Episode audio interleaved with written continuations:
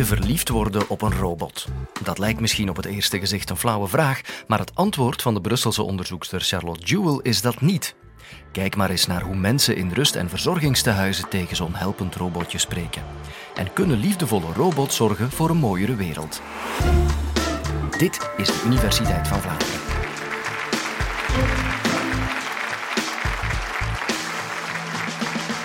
Kan je verliefd worden op een robot? Uw eerste reactie op deze vraag is misschien... Oei, dat is gek, dat is bizar. En u vraagt zich misschien ook af waarom. Waarom zou ik toevlucht zoeken tot een robot?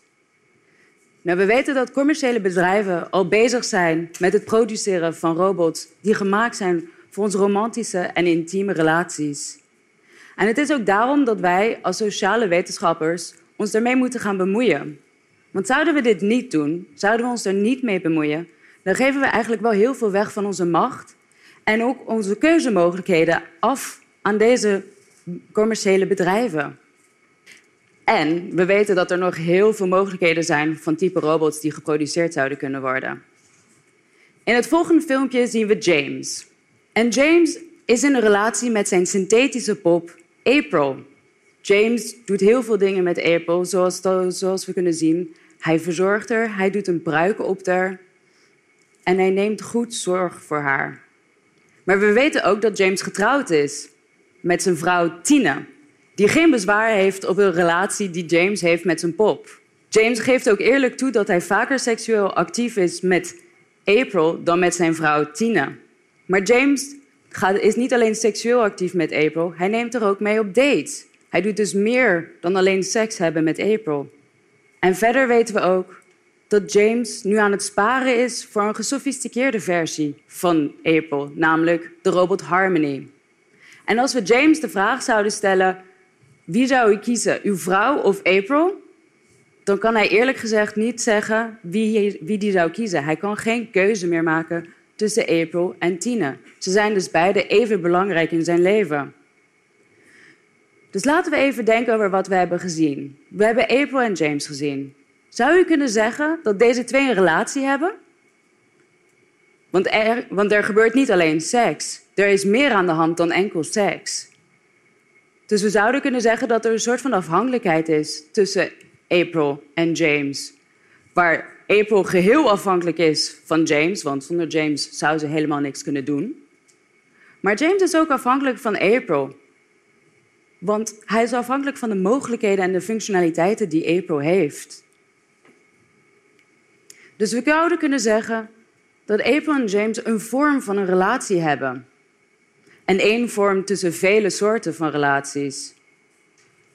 We zien ook tegenwoordig in de huidige maatschappij dat er steeds meer aandacht wordt gegeven aan verschillende vormen van relaties. Vormen van relaties die buiten de norm vallen. En de norm is nog steeds wel de heteroseksuele, monogame, getrouwde of samenwonende stijl.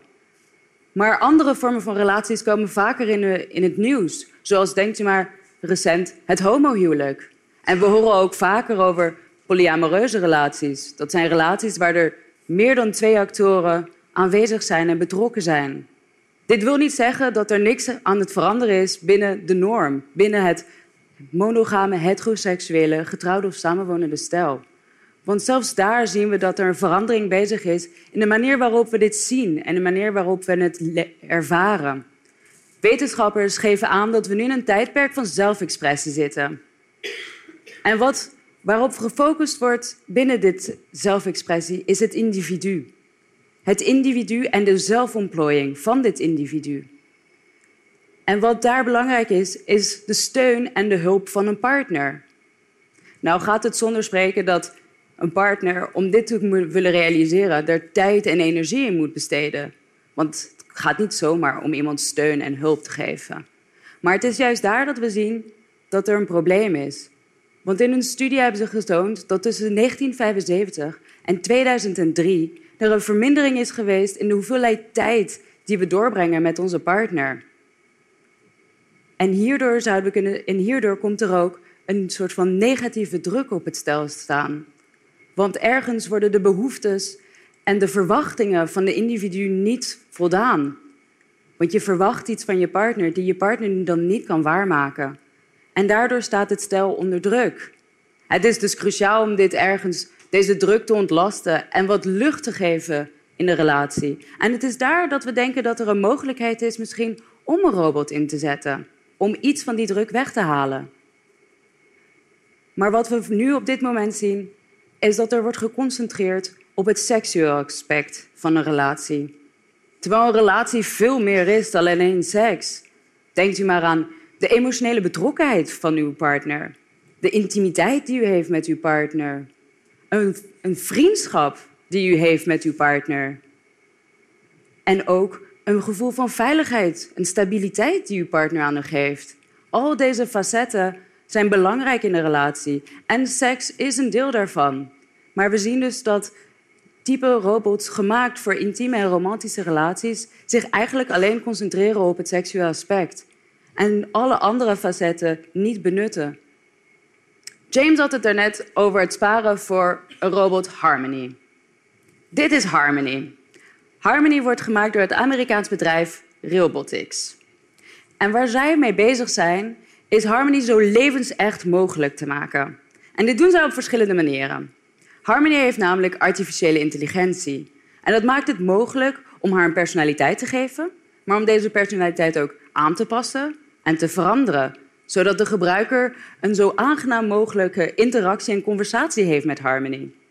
Dezelfde artificiële intelligentie maakt het ook mogelijk voor Harmony om automatisch glijmiddel aan te maken. Verder heeft Harmony ook sensoren over haar gehele lichaam, zodat ze de gebruiker kan aanvoelen. Ze kan met haar hoofd bewegen, van links naar rechts, omhoog naar beneden. En ze kan ook met haar ogen knipperen en die ook bewegen, zodat het echt lijkt alsof ze aanwezig is. Haar lippen bewegen ook mee met wat ze zegt. En verder heeft ze ook een systeem dat haar intern verwarmt, zodat ze niet koud aanvoelt. We hebben het dus nu gehad over Harmony en jullie weten er nu wat meer over. Dus laten we even de tijd nemen om te kijken wat jullie ervan vinden van dit soort type robots. Stel u eens voor, iemand woont in een dunbevolkt, afgelegen gebied. Zou u het aanvaardbaar vinden om zo'n type robot te gebruiken? Laat ik van alle mannen een hand in de lucht zien die het er niet mee eens zijn. Dus die dit niet aanvaardbaar vinden. Oké, ik zie een paar handen omhoog. Oké, en dan zou ik nu van de vrouwen willen weten, wie zou dit niet aanvaardbaar vinden? Om een robot te gebruiken in dunbevolkte, afgelegen gebieden. Wees niet verlegen, ga met je eerste intuïtie. Ik zie een paar handen omhoog gaan. Uit recent Amerikaans onderzoek, waar ze 100 mensen hebben bevraagd, zagen ze dat de meeste mensen hier inderdaad mee eens waren. Dat ze dit een aanvaardbare manier vonden om zo'n robot in te zetten. En dat het eigenlijk niet heel gek was. Nou heb ik een andere stelling voor jullie. Stel u voor zo'n robot te gebruiken in plaats van geframed gaan met een ander persoon. Zou dit voor u aanvaardbaar zijn? Alle mannen die het er niet mee eens zijn, dus die dit niet aanvaardbaar vinden, steek uw hand omhoog.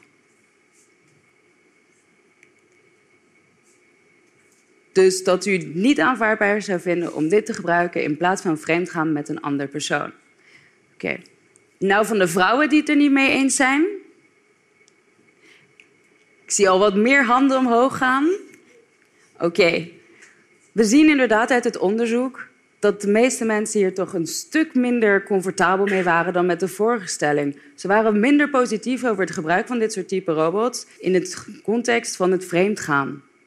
En wat nog interessanter was, was dat vrouwen veel terughoudender waren hierover. Vrouwen waren een stuk minder positief over het gebruik van dit soort robots om vreemd te gaan dan mannen. En dan gaan we ons afvragen waarom. Waarom vinden vrouwen dit eigenlijk? Waarom zijn vrouwen dan anders dan mannen?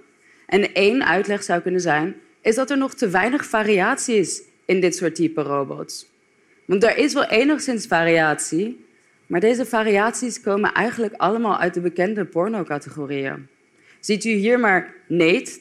Nate is de mannelijke versie van Harmony. Of zelfs Samantha, die gemaakt wordt door een Spaans bedrijf, Cynthia Amateus. Wat we duidelijk kunnen zien is dat er wel een variatie is, want ze zien er allemaal anders uit. Maar ergens blijft de variatie binnen een bepaald context.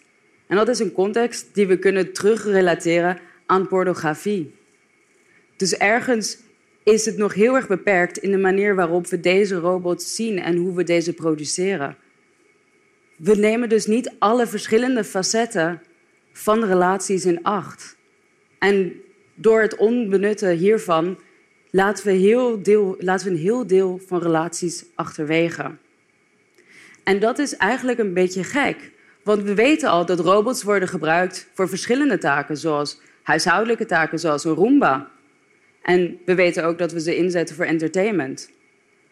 En uit vorig onderzoek dat we hebben gedaan, hebben we ook kunnen zien dat het als mensen eigenlijk heel makkelijk is om enigszins een band te creëren met een robot. Dus dat het hebben van een robot om in een relatie te zijn met een mens eigenlijk niet zo gek zou zijn als we het kunnen uitbreiden van alleen seks naar andere facetten. En u zult zien dat hier in het volgende filmpje Paula een interactie heeft met het robotje Zora. En dat het eigenlijk heel snel gaat, zonder dat Zora heel veel hoeft te doen. Ik ga een liedje voor je spelen. Luister en dans je met mij mee? Ja, dat is wel leuk. Maar waarom moet ik het met z'n tweeën? Maar nee, we gaan het